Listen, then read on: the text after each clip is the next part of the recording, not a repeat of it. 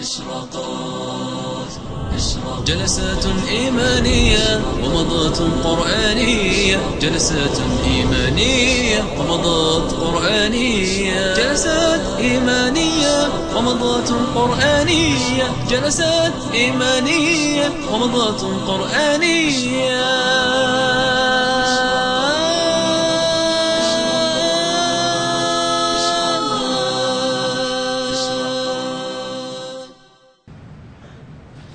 بسم الله الرحمن الرحيم. إن الحمد لله نحمده ونستعينه ونستغفره ونتوب إليه ونعوذ بالله من شرور أنفسنا ومن سيئات أعمالنا من يهدي الله فلا مضل له ومن يضلل فلا هادي له.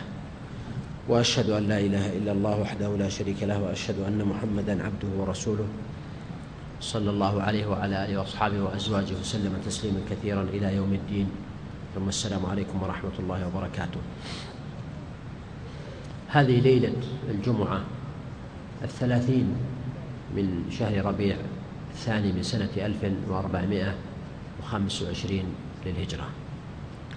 وهذا الدرس هو استكمال لدرس البارحة في تفسير سورة والفجر. وقد ذكرنا البارحة أولا الأقسام في أول السورة. والقدر المتفق عليه في موضوع القسم. ما هو ما هو القدر المتفق عليه؟ نعم. ها؟ توكيد الأمر المقسم عليه. أنه القسم أبلغ وأقوى من الخبر المجرد. يعني لما أقول مثلا حضر الشباب إلى الدورة هذا خبر مجرد لكن لما أقسم بحضورهم معناه تأكيد على المخبر به. هذا أولا. وأيضا الإشارة إلى أن المقسم به هو من آيات الله أو من نعم الله على العباد وفي ذلك إقامة الحجة ودعوتهم إلى التوحيد أو دعوتهم إلى شكر المنعم جل وتعالى. ثم يختلف العلماء في تحديد ما هو.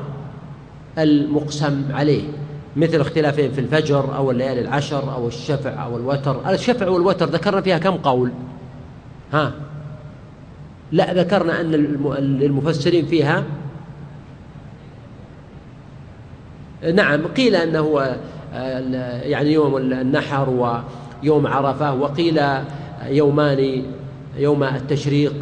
هذا الشفع والوتر هو اليوم الثالث. واخترنا هذا لعلاقته بسياق السورة وذكرت أن المفسرين لهم فيها نحو عشرين قولا.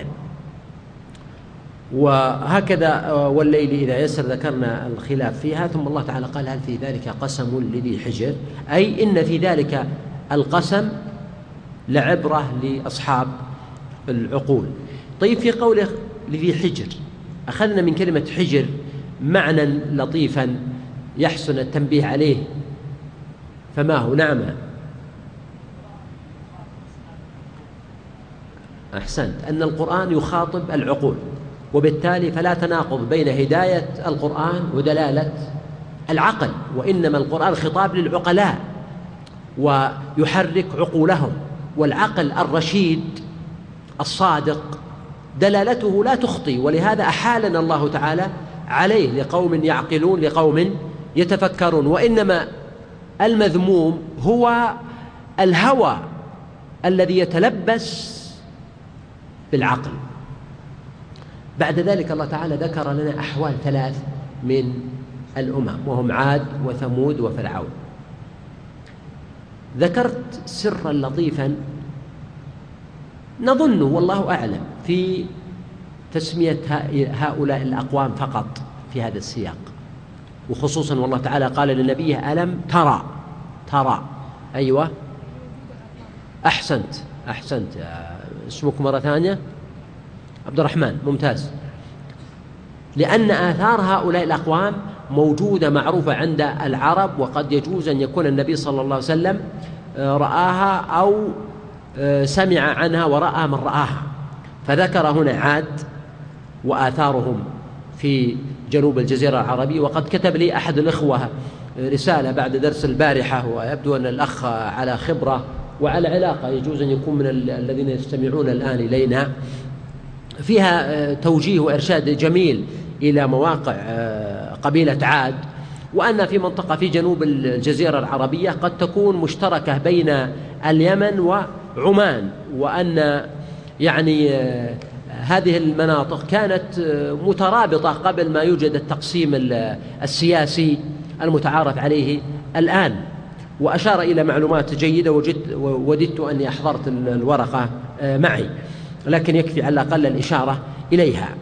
و وأما ثمود فديارهم في وادي وادي القرى ويعني ما حوله وهي معروفة قائمة إلى اليوم.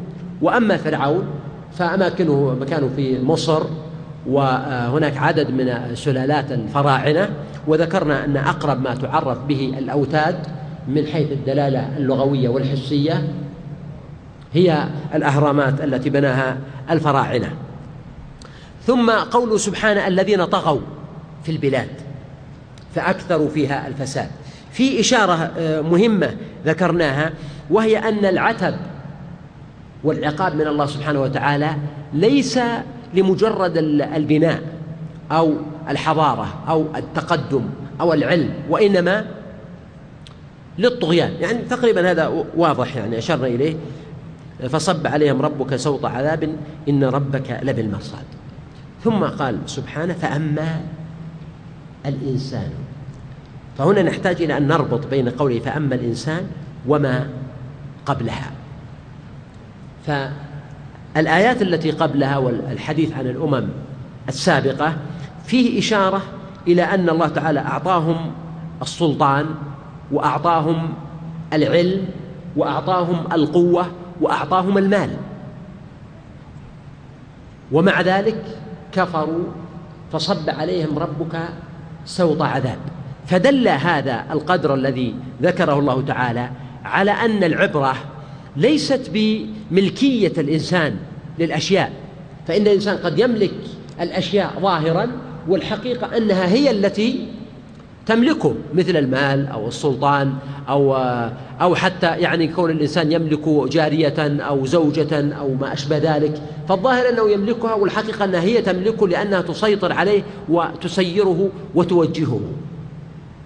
فسر الضلال الذي أحاق بهذه الأمم أنهم جعلوا المقياس ماديا واعتبروا أن عطاء الله تعالى لهم في الدنيا دليل على رضا الله عنهم. وبالمقابل إذا رأوا من حرمه الله تعالى من بعض هذه الأشياء من المال أو من الصحة أو من الجمال أو من القوة ربما ازدروا واعتبروا هذا دليلا على إهانة الله تعالى لهم. إذا القسم الأول من السورة ذكر الله تعالى فيه الحقيقة الربانية وهي أن هذا ليس بمقياس ولا اعتبار به وأن الغنى والفقر والقوة والضعف والصحة والمرض والجمال والدمامة كل هذه الأشياء مظاهر قد يعطيها الله تعالى للمؤمن ويعطيها للكافر وكل ذلك ابتلاء وامتحان. ولا يدل على رضا الله عن المعطى ولا على سخط الله عن الممنوع المحروم. هذا هو المعنى الذي ظلت به هذه الأمم ولذلك حصل لها الهلاك. ولهذا قال سبحانه هنا إن ربك لبالمرصاد. يعني لهؤلاء الأقوام الضالين المكذبين الكافرين من نعم الجاحدين لفضل الله تعالى وجميله عليهم المحتقرين لعباده من أهل الفقر أو من أهل الضعف ولو كانوا مؤمنين. وهذا يوجد عند فرعون مثلا كما هو معروف في قصته مع امرأته ومع المؤمنين أيضا من قوم موسى. يوجد عند ثمود يوجد في في كفرهم بنبيهم وبأتباعه وتآمرهم عليه. يوجد عند عاد يوجد عند كفار قريش.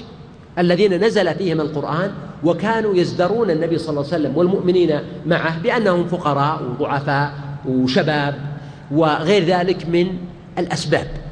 فكان الوعيد بقوله سبحانه إن ربك لبالمرصاد يعني لهؤلاء الأقوام ثم عقب بقوله سبحانه فأما الإنسان. كأن المسألة هنا نوع من التقسيم. يعني هذا ما عند الله سبحانه وتعالى هو ما سبق وبين لك أن العبرة بالتقوى والإيمان. أما الإنسان وهنا طبعا المقصود جنس الإنسان ولكن واضح من السياق أن الأمر يختص بالكافر أو الضال على وجه التحديد لما يدل عليه السياق من الصفات. فهو قال فأما الإنسان وبعضهم قالوا إن المقصود إنسان بعينه كعتبة أو شيبة أو أبي أو غيرهم من كفار مكة. والصحيح أن المقصود جنس الإنسان المكذب والجاهل الكافر ومن في حكمه يعني من أهل الجهالات الذين يتأثرون بهذه الشبهات.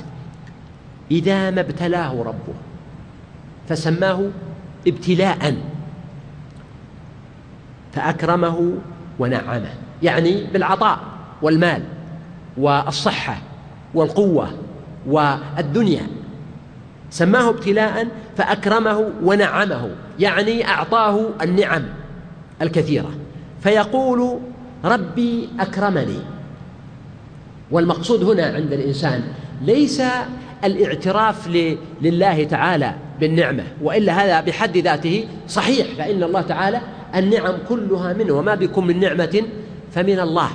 وفي ذلك إشارة إلى أن غالب أمم الأرض هي على الإيمان بالله سبحانه وتعالى خالقا والاعتراف به وإن لم يعبدوه. بخلاف من يتظاهر بذلك كما كان فرعون مثلا يقول أنا ربكم الأعلى ما علمت لكم من إله غيري. فهذه حالات شاذة منكرة وغالبية البشر في فطرهم وألسنتهم الإيمان بالله سبحانه وتعالى من حيث وجوده ومن حيث أنه هو الخالق وهو الرازق سواء عبدوه أو لم يعبدوه.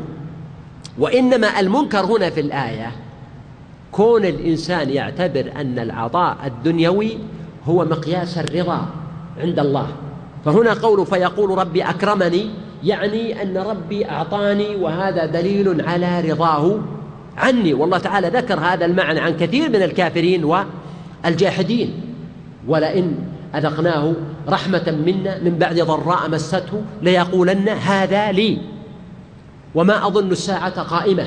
ولئن رجعت إلى ربي إن لي عنده للحسنى. وهكذا إن أصابه خير اطمأن به. فهذا نوع أو صنف من الناس وهو الغالب أنه إذا أعطي من الدنيا ظن أن هذه كرامة عند الله يستحقها وهو جدير بها.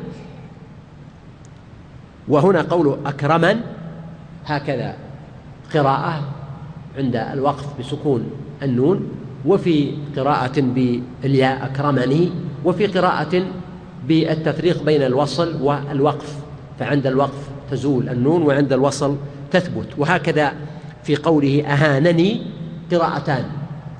أو أو ثلاث قراءات إما بحذف الياء أهانا أو بإثباتها مطلقا أهانني أو بإثباتها عند الوصل وحذفها عند الوقف. وكلها قراءات متواترة. قال وأما إذا ما ابتلاه فقدر عليه رزقه. فيقول ربي أهانا قدر أي ضيق. من قدر عليه رزقه كما قال سبحانه لينفق ذو سعة من سعته ومن قدر عليه رزقه فلينفق مما آتاه الله. إذا كلمة قدر عليه رزقه يعني ضيق أعطاه بقدر أو بقدر يعني شيئا ضيقا قليلا. ولذلك في قراءة فقدر عليه رزقه يعني ضيقه عليه. فيقول ربي أهانني. فاعتبر أن الإكرام والإهانة هي في العطاء. الدنيوي. قال الله سبحانه وتعالى كلا. وتلاحظ أن كلا هنا وردت مرتين أو أكثر. فهنا قال كلا. يعني ليس الأمر كما زعم هؤلاء. فهنا كلا حرف ردع وزجر ونفي لما ادعوه. ليس الأمر كذلك. وإنما عقب بقوله بل لا تكرمون اليتيم ولا تحاضون على طعام المسكين وتأكلون التراث أكلا لما وتحبون المال حبا جما. يعني نفى دعواهم في أن الكرامة أو الإهانة هي بالعطاء الدنيوي. فالله تعالى يعطي الدنيا من يحب ومن لا يحب ويعطي الآخرة من يحب.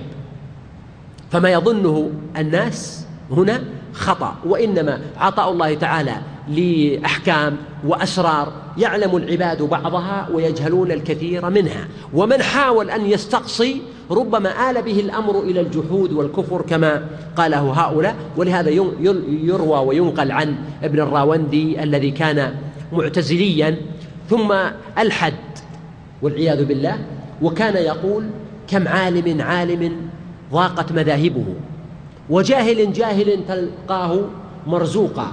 هذا الذي جعل الأذهان حائرة وصير العالم النحريرا زنديقا يعني الذي يحاول أن يقيس أمور الحياة الدنيا وينظر فيها إلى الحكمة في كل شيء لا يستطيع.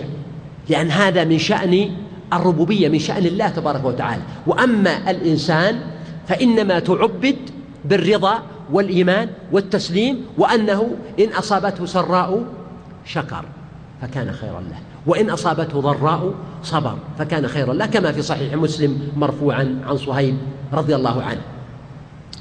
فهنا الله سبحانه وتعالى بين أن هذا الظن وهذا الاعتقاد ليس كما يظنون ولا كما يزعمون. وفي المسألة أيضا في قوله كلا نفي لمعنى آخر ظنوه وتوهموه وهو أن من طبع الإنسان أنه يظن الحال التي هو عليها حال ثابتة مستقرة لا تتغير ولا تتبدل. وهذا من طبع الكثير من الناس حتى المؤمنين يكون فيهم شيء من ذلك. فإذا كان الإنسان في حالة من الفقر ظن أن هذا مستمر عليه. وإن كان في حالة من الغنى استطرد وظن أنه لن يفتقر. وهكذا لو كان مريضا يظن أنه لن يتعافى. وإذا كان معافى ظن أنه لن يمرض حتى الشاب. وهذا أمر كلنا عايشناه وجربناه تجد الشاب وإن كان يرى شيوخ كبار سن أمامه ويدري أن الأيام والليالي تمر عليه إلا أنه لا يستطيع أن يتخيل نفسه وقد شابت لحيته وقد احدودب ظهره وقد تغرنت جبهته. وقد ثقل لسانه وزالت أسنانه وثقل سمعه وبصره وضعفت قواه أو يتخيل نفسه وهو في غرفة العناية أو وهو عاجز عن القيام أو عاجز عن الحركة. ما يستطيع يتخيل نفسه. في الغالب. لماذا؟ لأنه لا يريد. يريد أن يظل مستمتع بهذه الإمكانيات وهذه القدرات وهذه القوى ويظن لأنه الآن يملكها يظن أنها باقية وهذا ليس ظنا عقليا صحيحا وإنما هو ظن عاطفي وجداني. يمليها الشيطان والنفس الأمارة بالسوء لأن الإنسان لو صار عنده نوع من المشامة لهذا الشعور وإدراك التغير لتغيرت حاله. وإنما الذي يحمل الإنسان على كفر النعم هو شعوره بأنها باقية وإلا لو أدرك أنها زائلة تغير حاله. وأنا دائما أقول سبحان الله علينا أن نعتبر بمن حولنا. يعني مثلا رئيس العراق السابق كصورة كلنا رأيناها وشاهدناها.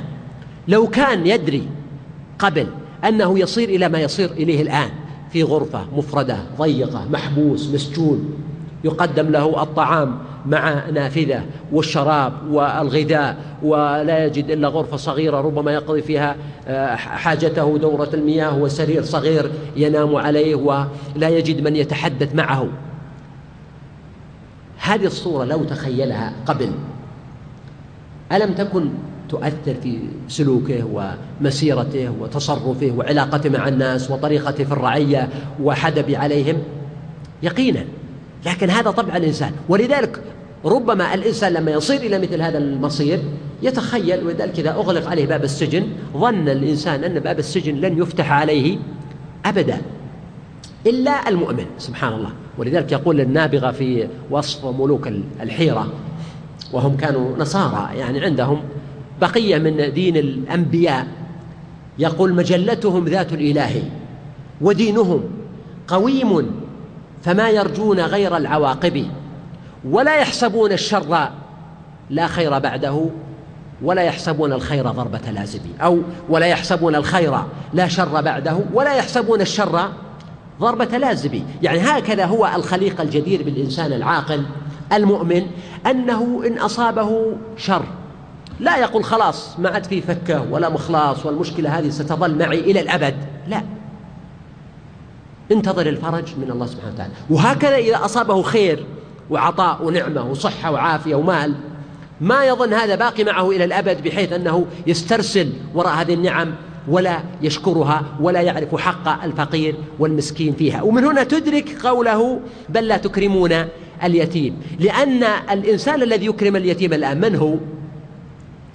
هو الإنسان المؤمن الذي لا يقول أكرمني أهانني لأنه يعرف أن العطاء من الله والمنع من الله وأنه لحكم وأسرار وأنه إن أعطاك الآن منعك غدا وإن منعك الآن أعطاك غدا. ولذلك يعرف أن للناس حقا في عقله وفي لسانه وسمعه وبصره وقواه وماله.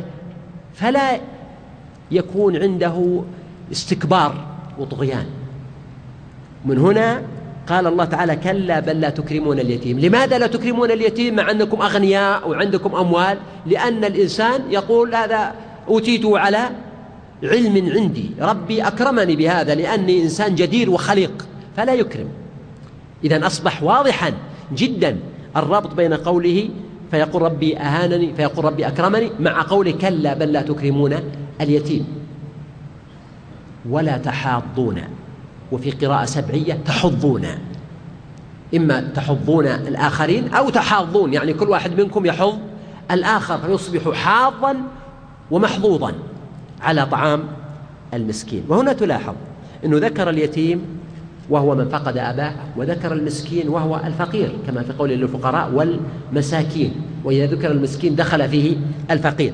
فهنا قول سبحانه بالنسبة لليتيم لا تكرمونه. يعني إكرامه بالقول الطيب بالفعل بالحفاوة بالحضانة بالكفالة. هذا إكراما لليتيم. وأما بالنسبة للمسكين قال ولا تحاضون. ما قال ولا تطعمون المسكين مثلا. قال تحاضون. ما تحاضون؟ يعني لا يحض بعضكم بعضا على طعام المسكين. وطعام المسكين يحتمل أن يكون معناها إطعام المسكين فتكون مصدر وتحتمل أن تكون المقصود الطعام الذي هو الأكل. يعني لا تحاضون على بذل طعام للمسكين من غداء أو عشاء أو غيره. المقصود هنا أنه بالنسبة لليتيم قال لا تكرمون. وبالنسبة للمسكين قال لا تحاضون طيب إذا كنتم لا تطعمون لا تكرمون اليتيم فأنتم أيضا من باب أولى لا تكرمون المسكين. لا تكرمون اليتيم. أيضا أنتم لا تكرمون المسكين. طيب إذا كنتم لا تحاضون لا يحض بعضكم ويحث بعضكم بعضا على طعام المسكين. فأنتم أيضا لا تحاضون على إكرام اليتيم. فحصل من مجموع الآيتين نفى عنهم أربع صفات. لا يكرمون اليتيم ولا يتحاضون على إكرام اليتيم ولا يطعمون المسكين ولا يتحاضون على طعام المسكين. فالخلاصة إذن أنهم لا يفعلون هذه الأشياء بأنفسهم ولا يحرضون ويحثون الآخرين على فعلها. فنفى عنهم القول ونفى عنهم الفعل. وطبعا الإنسان قد يكرم بالقول وقد يكرم بالفعل. الإكرام بالقول بالفعل أن يعطيه طعامه ويعطيه شرابه لكن الإكرام بالقول أنه ربما ما, ما, ما أستطيع أعطيها الآن. عندي ظرف خاص أو لا, لا تنشط نفسي للبذل لكني أحرض غيري على ذلك. فأتصل بصديقي التاجر لأن التجار عادة بعضهم أصدقاء بعض وأهل الجاه وأهل اليسار. فإذا لم أستطع أن أقدم له بنفسي فإنني أشفع له وأحض غيري على ذلك. وفي هذا إشارة إلى أن المجتمع المسلم يعني عكس هؤلاء يقوم بالإطعام وليس فقط أنه كل فرد يقوم به بمجهوده الشخصي وإنما هناك مجهود جماعي في الأمة كلها بالحث على الإطعام. بخلاف المجتمعات الإسلامية اليوم فإن الغالب أن كل فرد منها مشغول بنفسه ولا يحاول أن يقدم للآخرين القليل أو أن يشجع غيره على البذل. وهذا يؤكد المعنى الذي ذكرته أكثر من مرة أن دين الإسلام منذ الفترة المكية أبرز كثيرا كثيرا قضية العناية بحقوق الناس وخصوصا أولئك الضعفاء الذين لا يجدون من ينتصر لهم من الفقراء والمساكين والصبيان والنساء بل والحيوان. ففي ذلك إشادة لبناء قوي جدا بناء اجتماعي يقوم على حفظ الحقوق. وأقول بحفظ الحقوق تحفظ المجتمعات. وبالإطاحة بالحقوق تنهار المجتمعات من داخلها وتصبح عرضة للتسلط عليها والعدوان عليها من خارجها. قال الله سبحانه وتعالى أيضا في وصفهم وتأكلون التراث أكلا لما وتحبون المال حبا جما. التراث هو الميراث. المال الموروث من آه، من قبلهم آه، مال حتى لو كان هذا المال لأيتام أو لغيرهم فإنهم لا يعطونهم إياه بل يأكلونه. أكلا ليس فقط يأكلونه وإنما أكلا لما. والأكل هنا هل المقصود به الأكل أكل الطعام؟ هذا احتمال لأنه من مقاصد التملك. والأقرب وهو الأكثر في استعمال القرآن. أن المقصود بالأكل هنا هو يعني الأخذ وتأكلون التراث يعني تأخذونه وتتملكونه لأنفسكم. وكما في قوله سبحانه إن الذين يأكلون أموال اليتامى ظلما إنما يأكلون في بطونهم نارا. فهنا ليس المقصود فقط أن يأكل مال اليتيم. طيب لو لبس مال اليتيم بملابس أو ركبه في السيارة ألا يكون مذموما؟ بلى وإنما المقصود وهذا من استعمالات القرآن. يستخدم الأكل وهو ليس كثيرا في اللغة لكن هو من المعاني البديعة التي جاءت في القرآن أن يستخدم الأكل بمعنى الاستعمال والأخذ والتملك. قال وتأكلون التراث أكلا لما يقول لك إيش معنى لما؟ الأخوة الأخوان المصريون يستخدمون هذه الكلمة كثير. اللم ألم عليك الحارة. يعني يجمع. فهذا هو المعنى الموجود في الآية. أكلا لما يعني إنسان يلم كل شيء. مثل لو تخيلت إنسان مثلا إذا تقدموا للطعام أصبح يلم على المائدة يعني يضمه إليه ويأكله. فهنا الأكل وصفه بأنه أكلا لما يعني شرها قويا. شديدا. وتحبون المال حبا جما. الأولى أكل الفعل يعني أنهم يأخذونه. والثانية يحبون والحب معنى قلبي. يعني المال موجود في يده ومع ذلك موجود في قلبه. ولذلك لما سئل بعض السلف عن الزهد قال أن يكون المال في يدك وليس في قلبك. يعني عنده مال ولكنه ليس عنده الحب الشديد لهذا المال ولذلك ينفقه. فإذا اجتمع عند الإنسان أنه يأخذ المال بقوة ويتملكه من حلال ومن حرام ومع ذلك عنده الحب الشديد لهذا المال فمثل هذا الإنسان هو أسوأ ما يكون وأبشع ما يكون. وتحبون المال حبا جما والجم في الأصل هو الكثير مثل ما يقال جم الماء إذا كان مثلا في آه، عين أو آه، يعني آه، بئر. ففي أسفلها إذا بدأ الماء يتجمع شيئا فشيئا فإننا نقول إن الماء بدأ يجم. وهذه كلمة مستخدمة كثيرا عندنا. فهذا هو المعنى هنا. وتحبون المال حبا جما يعني حبا كثيرا. وليس المقصود الكثرة بذاتها لأن الحب معنى والمعنى لا يكثر وإنما المقصود حبا شديدا حبا شديدا. ثم قال سبحانه كلا مرة أخرى. إذا كلا الأولى جاءت إشارة إلى واقعهم في الدنيا وقالت لهم ما معناه؟ أن ادعاءكم أن ربي أكرمني أو أن ربي أهانني بناء على ما أعطاكم في الدنيا ليس صحيحا. وأنتم لا تطبقون هذا حتى في الدنيا. فلا تكرمون اليتيم ولا تحاضون على طعام المسكين وتأكلون التراث أكلا لما وتحبون المال حبا جما. ثم جاءت كلا الثانية لتنقلهم إلى عالم آخر. إذا كانت الأولى في الدنيا فكلا الثانية تنقلهم إلى الدار الآخرة. وتقول لهم الدنيا ليست نهاية المطاف. وهب أنك بقيت في الدنيا سالما غانما معافى إلى وقت الموت. فماذا ينفعك حين ذاك؟ قال سبحانه كلا إذا دكت الأرض. وهنا تلاحظ أن الله تعالى طوى ذكر الحرم وطوى ذكر الاحتضار وطوى ذكر الموت لأن هذه المعاني مستقرة في الأذهان ولأن الإشارة إلى ما يقع في الدار الآخرة هو متضمن لها. بالضرورة ففيه إشارة للإنسان إلى أنك يعني راحل. قال تعالى إذا دكت الأرض والدك ورد في القرآن كما في سورة الحاقة آه، دك آه، وحملت الأرض والجبال فدكتا لكنه قال هناك دكة واحدة وهنا قال دكت الأرض دكا دكا. فهل معنى قوله دكا دكا يعني ثنتين؟ لا ليس المقصود التعدد أو التثنية وإنما المقصود التوكيد. والله أعلم. نعم المقصود التوكيد أو المقصود التفصيل. مثلا لما أقول إنني أخذت هذا الكتاب فقرأته حرفا حرفا هل معنى ذلك أني قرأته مرتين؟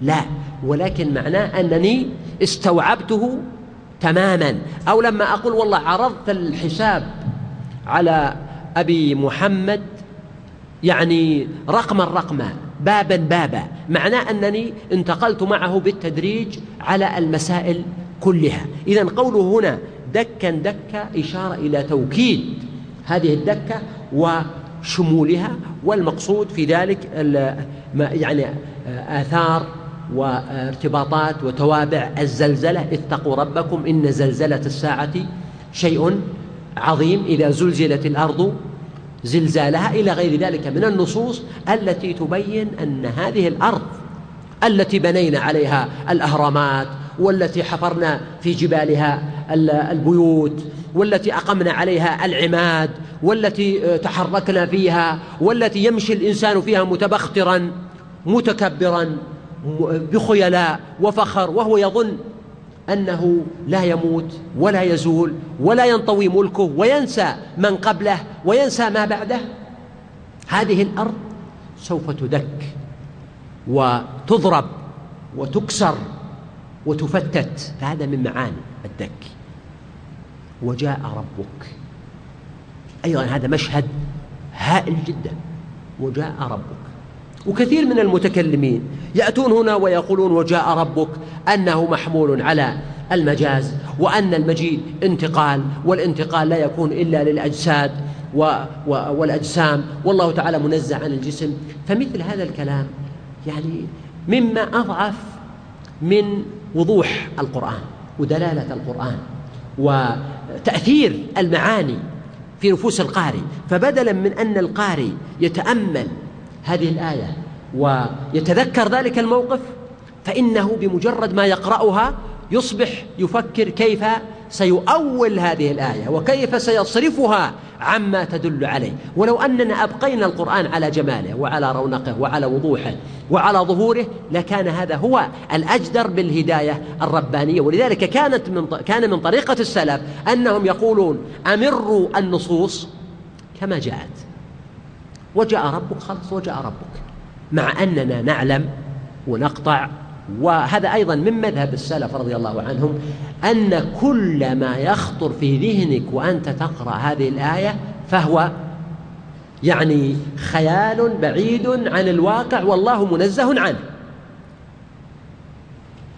فكل ما خطر ببالك فالله ليس كذلك. فإذا قرأت وجاء ربك وتخيلت أن كرسيا ينصب وأن ملكا أو ملكا يقعد عليه هذا الخيال اللي في ذهنك هل هو لله؟ لا هذا منفي عن الله ولذلك نقول من قال إن الظاهر غير مراد إن قصد بالظاهر هذه الصورة الخيالية التمثيلية التي ارتسمت في أذهاننا ونحن نقرأ السورة فهو صحيح أن هذا غير مراد ولكن نقول أيضا ببقاء السياق والنص على ظاهره. ولا نقول إنه مجاز ولا نقول إنه غير حقيقي بل نقول يأتي الله سبحانه وتعالى ويجيء الله سبحانه وتعالى. كيف؟ لا ندري لأننا لا نعلم كيف هو. فلا نعلم كيف أفعاله وكيف صفاته. لا يعلم ذلك إلا هو. لكننا ندري أن الموقف صعب.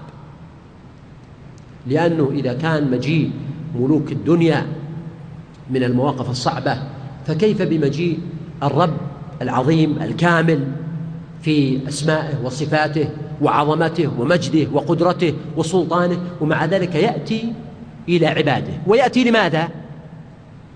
لفصل القضاء بينهم ونصر المظلوم من الظالم وإعادة الحق إلى أصحابه وثواب المطيعين المؤمنين الصابرين وعقاب الكافرين المعاندين.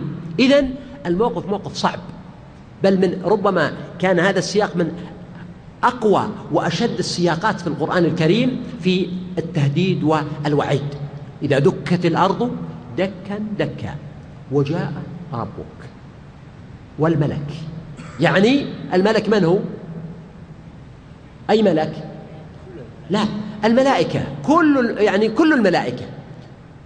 صفا صفا يعني صفوا صفوفا بعضها خلف بعض حتى ورد أنهم سبعة صفوف كل صف كل سماء في صف وهم محيطون بالبشر. ولهذا يقول الإنسان يومئذ أين المفر؟ كلا لا وزر إلى ربك يومئذ المستقر. وجاء ربك والملك يعني وجاءت الملائكة صفوفا بعضها وراء بعض وجيء يومئذ بجهنم. وجيء جاء بها الله تعالى.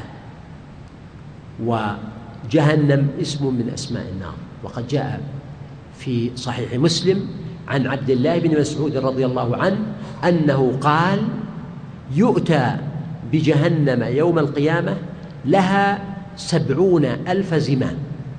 مع كل زمام سبعون ألف ملك يجرونها.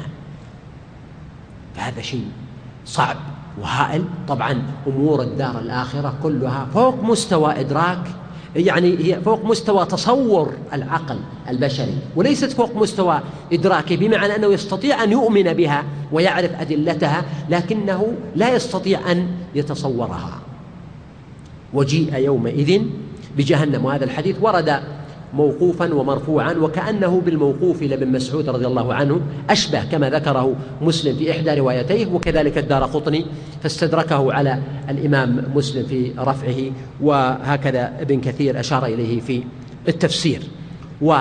وهنا قال وجيء يومئذ بجهنم مع أنه يؤتى أيضا بالجنة كما في قوله سبحانه وإذا الجنة أزلفت. يعني قربت من أهلها. وإنما ذكر جهنم لأن السياق والمقام مقام تهديد ووعيد للكافرين وذكر الأمم السابقة وذكر الذين يكفرون النعم ويجحدونها. فهنا قال يومئذ يتذكر الإنسان وأنى له الذكرى. شوف هذا الإنسان الذي قبل قليل يعني يقول ربي أهانني إن أعطي المال والدنيا. ويقول رب آه، منع.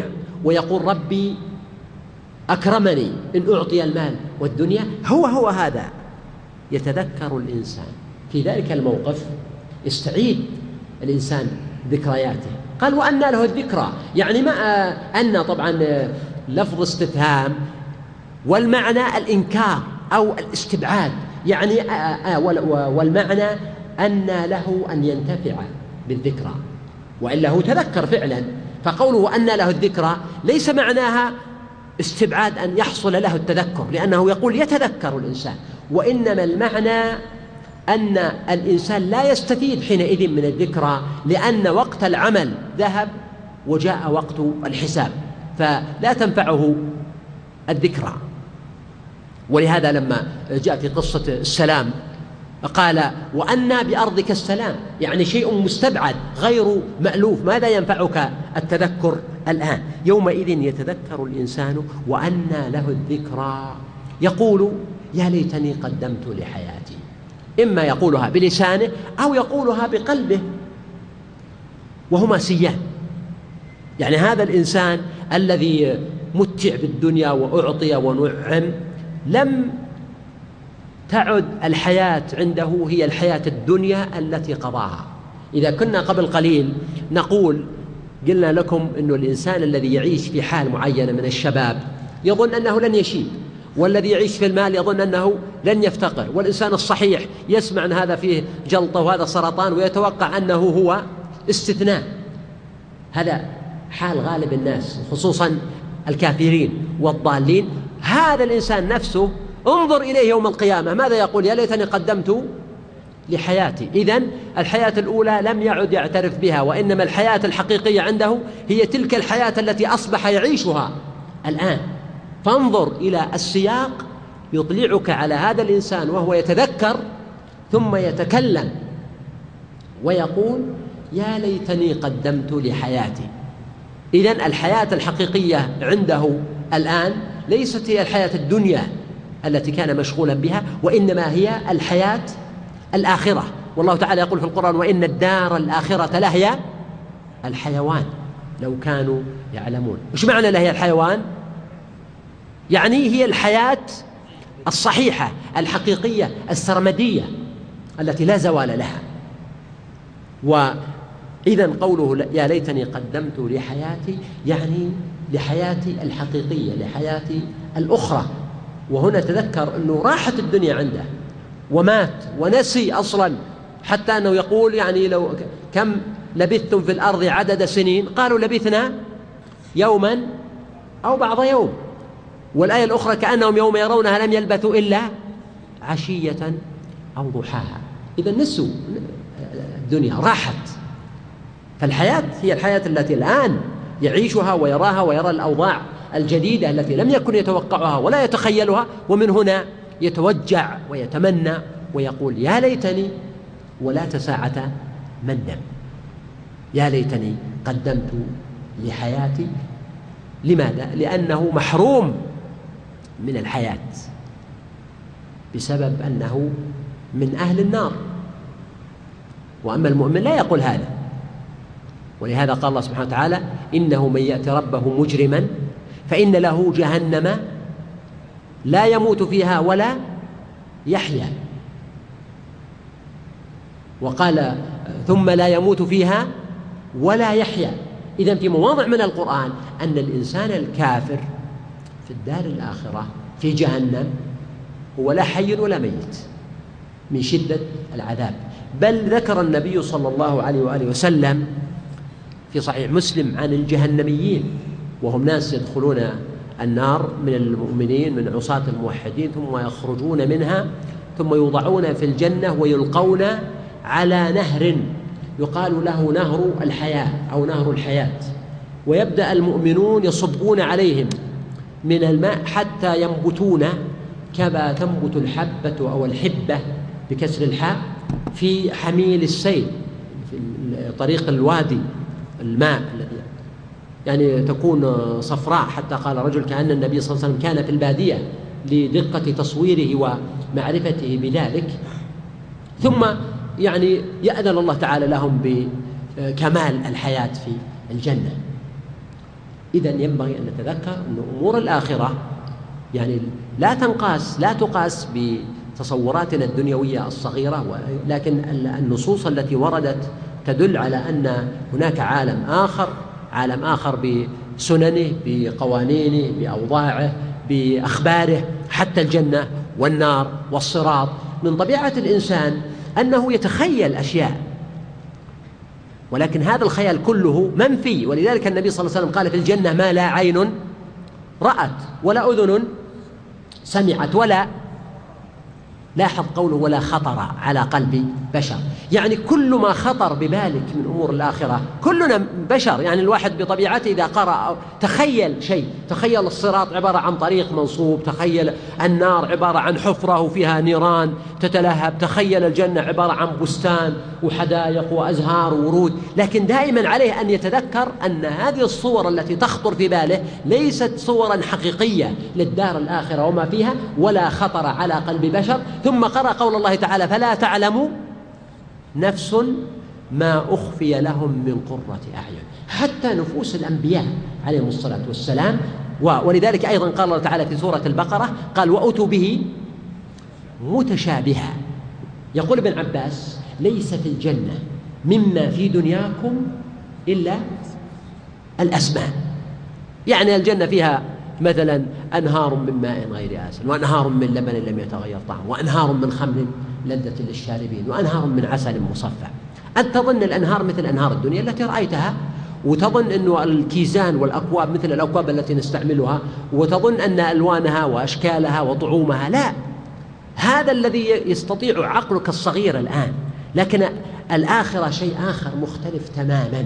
وإنما قرب الله لك هذه المعاني بالشيء الذي تستطيع أن تفهمه فقط. أما أن تتخيله أو تتصوره فلا ثم لا. ولهذا قال سبحانه فيومئذ لا يعذب عذابه أحد ولا يوثق وثاقه أحد. وفي قراءة لا يعذب عذابه أحد ولا يوثق وثاقه أحد. يعني المعنى أن عذاب الله تعالى في الدار الآخرة لا يشبهه عذاب أحد من الناس. اطلاقا. كل نفس الكلام الذي ذكرنا قبل قليل. كل ما تعرفونه من ألوان العذاب فهو مختلف. والوثاق الذي هو القيد كما في قول أثخنتموهم فشدوا الوثاق. أيضا ما في أحد يوثق يوثق مثل القيد الذي يجعله الله تعالى للكافرين كما في سورة الحاقة خذوه فغلوه ثم الجحيم صلوه ثم في سلسلة ذرعها سبعون ذراعا فاسلكوه. فالإنسان إذا قرأ هذه الآيات غالبا يتخيل سلاسل الحديد الموجودة في الدنيا ويعني آه، أربطتها الصغيرة ودوائرها الضيقة وحتى الذراع يتخيل الذراع الذي يعتاده. وبالتالي يقع عند الإنسان نوع من التشبيه لكن ينبغي أن يتذكر أنه لا يعذب عذابه أحد ولا يوثق وثاقه أحد وأن ما عند الله تعالى من العذاب ومن النعيم مما لا يخطر على بال أحد ولا يستطيع أحد أن يتخيله أو يتصوره. ويحتمل أن يكون المعنى يعني لا يعذب الله تعالى عذاب هذا الكافر أحدا غيره. يعني لا يتحمل أحد عن أحد عذابا ولا وثاقا فعذاب هذا الكافر يتحمله هو ولا يعذبه أحد غيره من الناس وهكذا وثاقه كذلك. ثم ختم هذه السورة بما فيها من القوة والشدة والوعيد والتهديد والعقوبات الدنيوية لأولئك الأمم الكافرة من فرعون وعاد وثمود وما صب عليهم الله تعالى من صوت عذاب. لاحظ صوت عذاب كما قلنا بالأمس يعني قليل. وأما العذاب الحقيقي فهو هنا لا يعذب عذابه أحد ولا يوثق وثاقه أحد. وأيضا هنا الوثاق قد يكون مناسب والله أعلم مع ما يذكر عن فرعون وعن غيره من أنهم كانوا يوثقون ويقيدون و آه، يعني يحاربون من لا يوافقهم من المؤمنين. ختم بهذا الختام اللطيف الدال على رحمة ربنا سبحانه وفضله وكرمه وعطائه ولطفه. يا أيتها النفس المطمئنة. وهذا خطاب والأقرب أنه خطاب في نفس السياق. يعني إذا دكت الأرض دكا دكا وجاء ربك والملك صفا صفا ومع أن المقام مقام غضب وانتقام وعقاب إلا أن هناك استثناء. هذا المقام الأول لفرعون وعاد وثمود وأمثالهم. الاستثناء لمن؟ لك أنت يا محمد المخاطب كما قلنا والسورة فيها مقام في فيها مقامان مقام التنبيه للنبي صلى الله عليه وآله وسلم على فضل الله على عليه ومنته ومقام الإشارة إلى أعدائه وما سيصنع الله بهم. وأن القسم كما قلنا بالأمس أشبه ما يكون بقوله عز وجل يعني أننا سوف آه، ننصرك وننتقم من أعدائك. ومن هنا ناسب أن يقول يا أيتها النفس المطمئنة. وهذا خطاب للنبي صلى الله عليه وسلم ونفسه المطمئنة ونفسه المطمئنة وخطاب لكل الصالحين. ولذلك نقول النفس هنا كل النفوس المطمئنة. والمطمئنة هنا لا شك أنها صفة لكن لم يكن المقصود بها التمييز لأنه أصلا خطاب لنفوس خاصة متميزة وإنما المقصود الثناء على النفوس بأنها مطمئنة. هنا هي مطمئنة بذكر الله عز وجل فإن ذكر الله طمأنينة للقلب كما في قول ربنا تبارك وتعالى ألا بذكر الله تطمئن القلوب. وهي أيضا مطمئنة بالنظر وإعمال العقل والفكر في ملكوت السماوات والأرض وفي آيات الله الكونية المخلوقة وفي آيات الله الشرعية المنزلة. ويدل على هذا المعنى قول إبراهيم عليه الصلاة والسلام ربي أرني كيف تحيي الموتى قال أولم تؤمن؟ قال بلى ولكن ليطمئن قلبي لاحظ ليطمئن يعني مزيد من الطمأنينة. إذا الطمأنينة تكون برؤية الملكوت والطمأنينة تكون بذكر الله عز وجل والطمأنينة تكون بمحض الفضل من الله تبارك وتعالى. كما في قوله عز وجل إن الذين قالوا ربنا الله ثم استقاموا تتنزل عليهم الملائكة ألا تخافوا ولا تحزنوا وأبشروا. هذه النفس المطمئنة. لا خوف ولا حزن والبشارة هذا هو. ولذلك أصلا كلمة مطمئنة. يعني لما نقول هذه أرض مطمئنة يعني ها وش معناها؟ منخفضة. منخفضة. مطمئن من الأرض. يعني غير مرتفع. ومنخفض فإذا الطمأنينة من معانيها التواضع. ولذلك تجد المؤمنين متواضعين لعظمة ربهم تبارك وتعالى.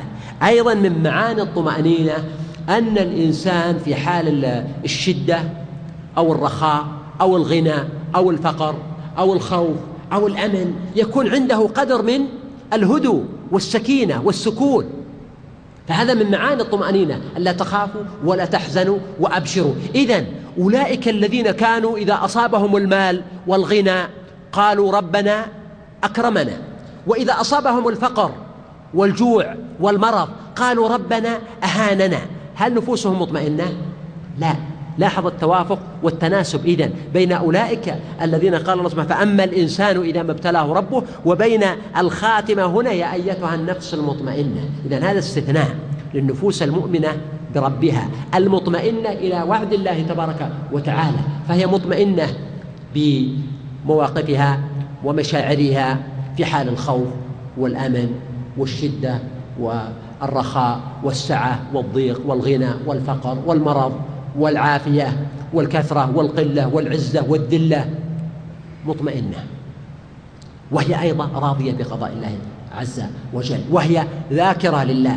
وهي ممتلئة من الإيمان والتدبر والتأمل في الملكوت وفي كتاب الله تعالى المنزل. هذه النفس المطمئنة والنفس المطمئنة هنا قد تكون حالة للنفس وقد تكون حالة دائمة لبعض الناس. ولذلك العلماء بعضهم يقسم النفس إلى ثلاثة أقسام النفس المطمئنة والنفس اللوامة والنفس الأمارة بالسوء. ونقول إن أن هذه أقسام للناس وهي أيضا أحوال للنفس. فإن الإنسان الواحد قد يكون في حال مطمئنا وفي حال أخرى لائما لنفسه وفي حال ثالثة تكون نفسه أمارة بالسوء ولكن الإنسان لما غلب عليه من هذه المعاني والأحوال. ارجعي إلى ربك. ارجعي إلى ربك. هنا يحتمل أن يكون المعنى ارجعي إلى الله وهذا هو الذي عليه جمهور المفسرين وهو الصحيح. ارجع إلى ربك يعني خرجت من هذه النفس خرجت بإذن ربها وبأمره وضربت في الآفاق. وإذا كان ربنا سبحانه قال عن أولئك الأقوام المكذبين قال إن ربك لا لبالمرصاد. فهذه النفس المطمئنة أيضا يقال لها ارجعي إلى ربك. ولذلك يقال وجاء في هذا حديث مرفوع أو, أو أثر عن بعض الصحابة أنه لما سئل كيف القدوم على الله هذا أظن أبو حازم.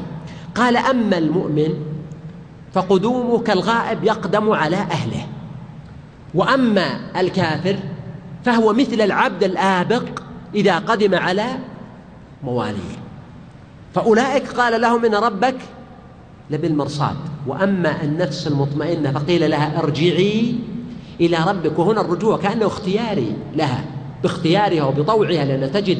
ولذلك في صحيح مسلم حديث عائشة من أحب لقاء الله أحب الله لقاءه ومن كره لقاء الله كره الله لقاءه. فالكافر يساق سوقا ولذلك ورد أيضا في حديث البراء في آه، طويل في قصة النزع والاحتضار أن نفس الكافر وروحه تتفرق في جسده فتنتزعها منه الملائكة كما تنتزع السفود من الصوف المبلول. من كل أنحاء الجسد تنزع نزعا. وأما المؤمن عند النزع وعند الاحتضار فتخرج نفسه وروحه كما تخرج القطرة من فم السقاء يعني تنقض بسهولة ولين. والمؤمن يموت بعرق الجبين. فلاحظ هنا المعاني الراقية العظيمة. النفس المطمئنة التي تطمئن في حال المال والفقر والغنى والصحة والأحوال المتقلبة المختلفة كلها تطمئن إلى ربها هذه ترجع إلى ربها راضية مرضية. هي راضية بعطاء الله وفضل الله وجزاء الله تبارك وتعالى وهي مرضية عند الله تبارك وتعالى. رضي الله عنهم ورضوا عنه. فتحقق لها هذا كله قال فادخلي في عبادي وادخلي جنتي. أولا فادخلي في عبادي الصالحين. والذين آمنوا وعملوا الصالحات لندخلنهم في الصالحين. ضمن عبادي الصالحين. ولذلك قال الله سبحانه وإذا النفوس زوجت. يعني يوم القيامة احشروا الذين ظلموا وأزواجهم. الأشرار مع الأشرار والأخيار مع الأخيار. فهذه النفس المطمئنة يقال لها ادخلي في عبادي. عباد الله تعالى. مع وادخلي جنتي معهم.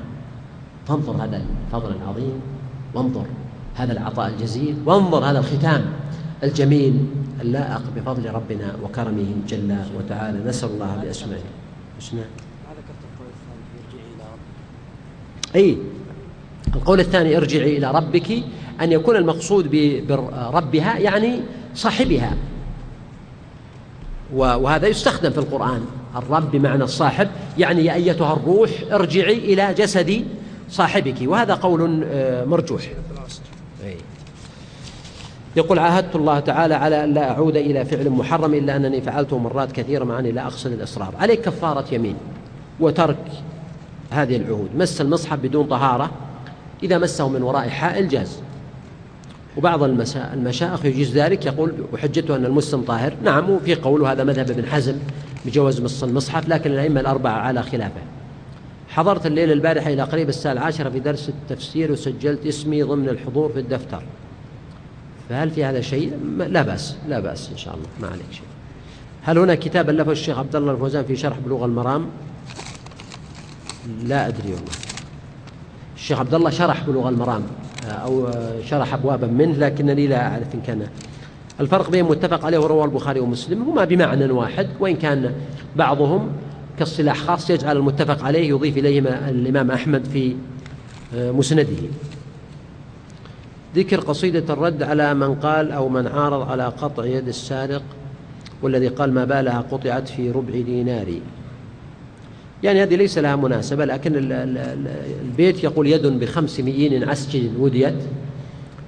ما بالها قطعت في ربع دينار تناقض ما لنا إلا السكوت له ونستعيذ بمولانا من النار. هذا الشعر لأبي العلاء ينسب ينسب لأبي العلاء المعري ويقال إن الإمام الفقيه المالكي عبد الوهاب رد عليه بقوله عز الأمانة أغلاها وأرخصها ذل الخيانة فافهم حكمة الباري.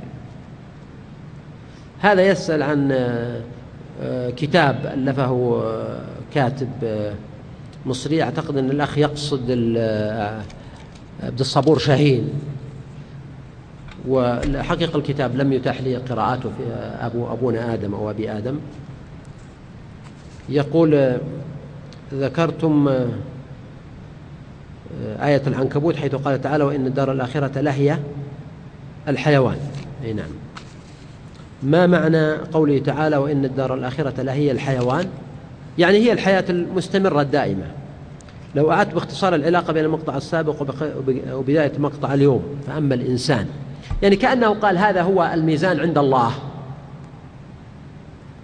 وأما الإنسان فالوضع عنده الميزان عنده مختلف.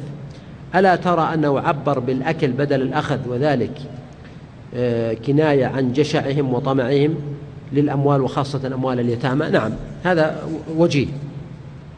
في قول وجيء يومئذ بجهنم ألا يقال إنها ذكرت هنا لأنها أقرب للناس من الجنة وهي محيطة بالموقف ولا يمكن الوصول إلى الجنة إلا عن طريق العبور على الصراط.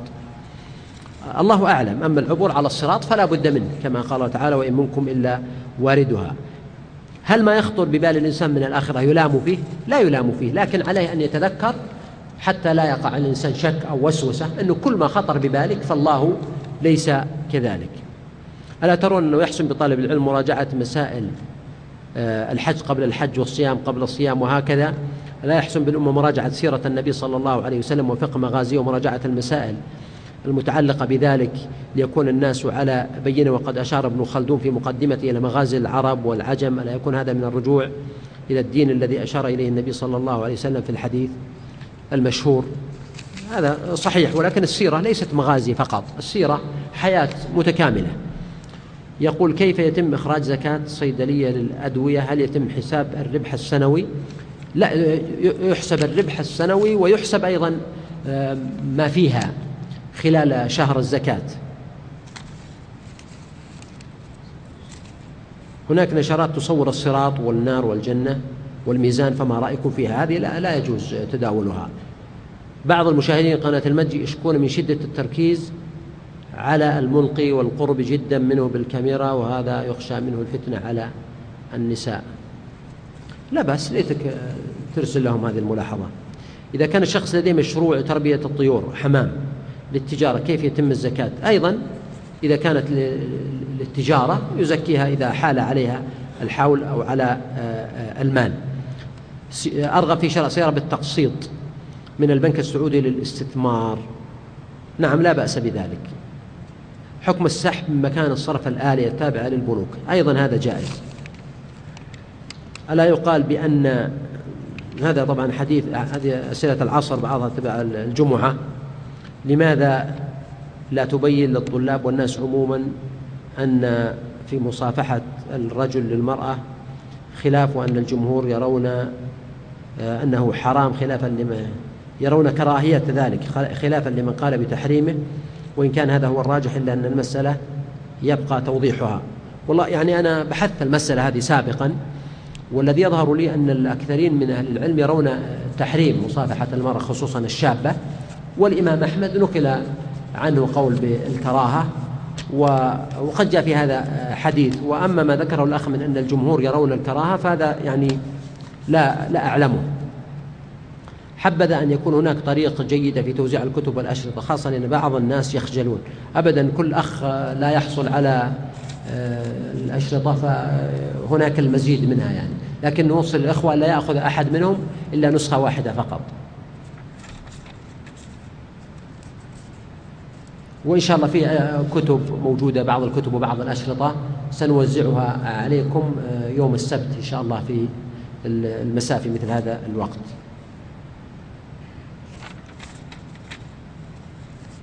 يقول بعض الناس ينظرون إلى من يركب سيارات أمريكية أو غيرها من البضائع نظرة خاصة فهل من كلمة في مثل ذلك؟ يعني إذا كان مقصود الأخ موضوع المقاطعة فنحن نوصي بمقاطعة البضائع الأمريكية بحسب المستطاع. لكن هذا لا يعني يعني تحول الأمر إلى نوع من الامتحان أو لأنه دائما إذا شدد الإنسان في الأمر انقطع الحبل. مثل بعض الإخوة يعتبون على علي يقول معك سيارة فورد وهي أمريكية. صحيح هذه سيارة قديمة ورخيصة وأنا لا لم أرى أنني أبيعها لأشتري بأضعافها. سيارة أخرى ورأيت أنه يعني كون الإنسان لو لم تكن معه لم يشتريها. أما وهي معه فيرى أن الأمر سهل ويحرص على تجنب البضائع الأمريكية فيما سوى ذلك. ما حكم من لحق على الإمام وركع مع صوت الإمام من القيام من الركوع؟ إذا شك هل أدرك أو لم يدرك فلا يعتد بالركعة. يقول من راح في الساعة الأولى إلى الجمعة هل الرواح بعد الزوال؟ قيل ذلك. وقيل أن المقصود بعد الشمس الساعة الأولى بعد الشمس. نفس السؤال قبل شوي أنه يعني عاهد الله على فعل محرم ثم تركه. أليس من الأفضل في خطبة الجمعة من ورقة وليس ارتجالا؟ والله يختلف هذا. إذا كان الإنسان عنده قدرة على الارتجال وقد تدرب عليه فهو خير. رأيت على أو دأبت على رفع يدي بعد السنة للدعاء قبل الصلاة. حتى سمعت أن من السنة مواطن استجابة الدعاء بين الأذانين. لكن لا يشرع للإنسان أن يلتزم بذلك أو يحافظ عليه بعد النافلة. مجموعة شباب خرجنا إلى البر وأقمنا صلاة الجمعة. فما حكم صلاتنا؟ أرى أن لا تصح أنكم لستم مقيمين ولا مستوطنين. ينسب لكم في بعض المجلات أنكم تقولون بأن تارك الصلاة لا يكفر. هذا ذكرناه كثيرا في شرح البلوغ وكررناه مرارا بما لا داعي لإعادته. بعض الأسئلة ما يكون واضح. كتابة الأخ. يقول كلما تذكرت الشيخ محمد السعوي رحمه الله أبكي ويضيق صدري فهل انبرأ أحد من طلبة العلم لكتابة في سيرته؟ والله في الأخوة في تسجيلات بينات جزاهم الله خير عندهم مبادرة في إخراج شريط. وقد استضافوا عدد من أصدقاء الشيخ وكتبت لهم خم أو تكلمت لهم خمس دقائق. لعلهم إن شاء الله يستعجلون بإخراج هذا طبعا هذا سؤال طويل من الكويت عن طريق حامل مسك وموقع الإسلام اليوم. آه، بل أكثر من سؤال وهي عبارة عن مقالة طويلة لأحد الدكاترة في الكويت ينتقد فيها يعني المناهج الدراسية ومحتوياتها وما فيها من كلمة أحرار وعبيد وشيء من هذا القبيل ويطالب بالتغيير وأن يكون التغيير من خلال لجنة مستقلة ويفضل أن تكون من اليونسكو لمراجعة هذه المناهج التعيسة التي تفرق جذور الإرهاب والتطرف وأقول للأخ آه، الأخ أبو معاذ أقول عندنا وعندك خير يا أبو معاذ نسأل الله أن يصلح الأحوال. وأن يهدي المسلمين جميعا وأن يحفظ للمسلمين دينهم وعقيدتهم. إنه جواد كريم. سبحانك اللهم وبحمدك نشهد أن لا إله إلا أنت أستغفرك ونتوب إليك. هذا إشراقات قرآنية مثل ما قلنا يعني كل واحد يأخذ نسخة واحدة فقط. وزع عليهم.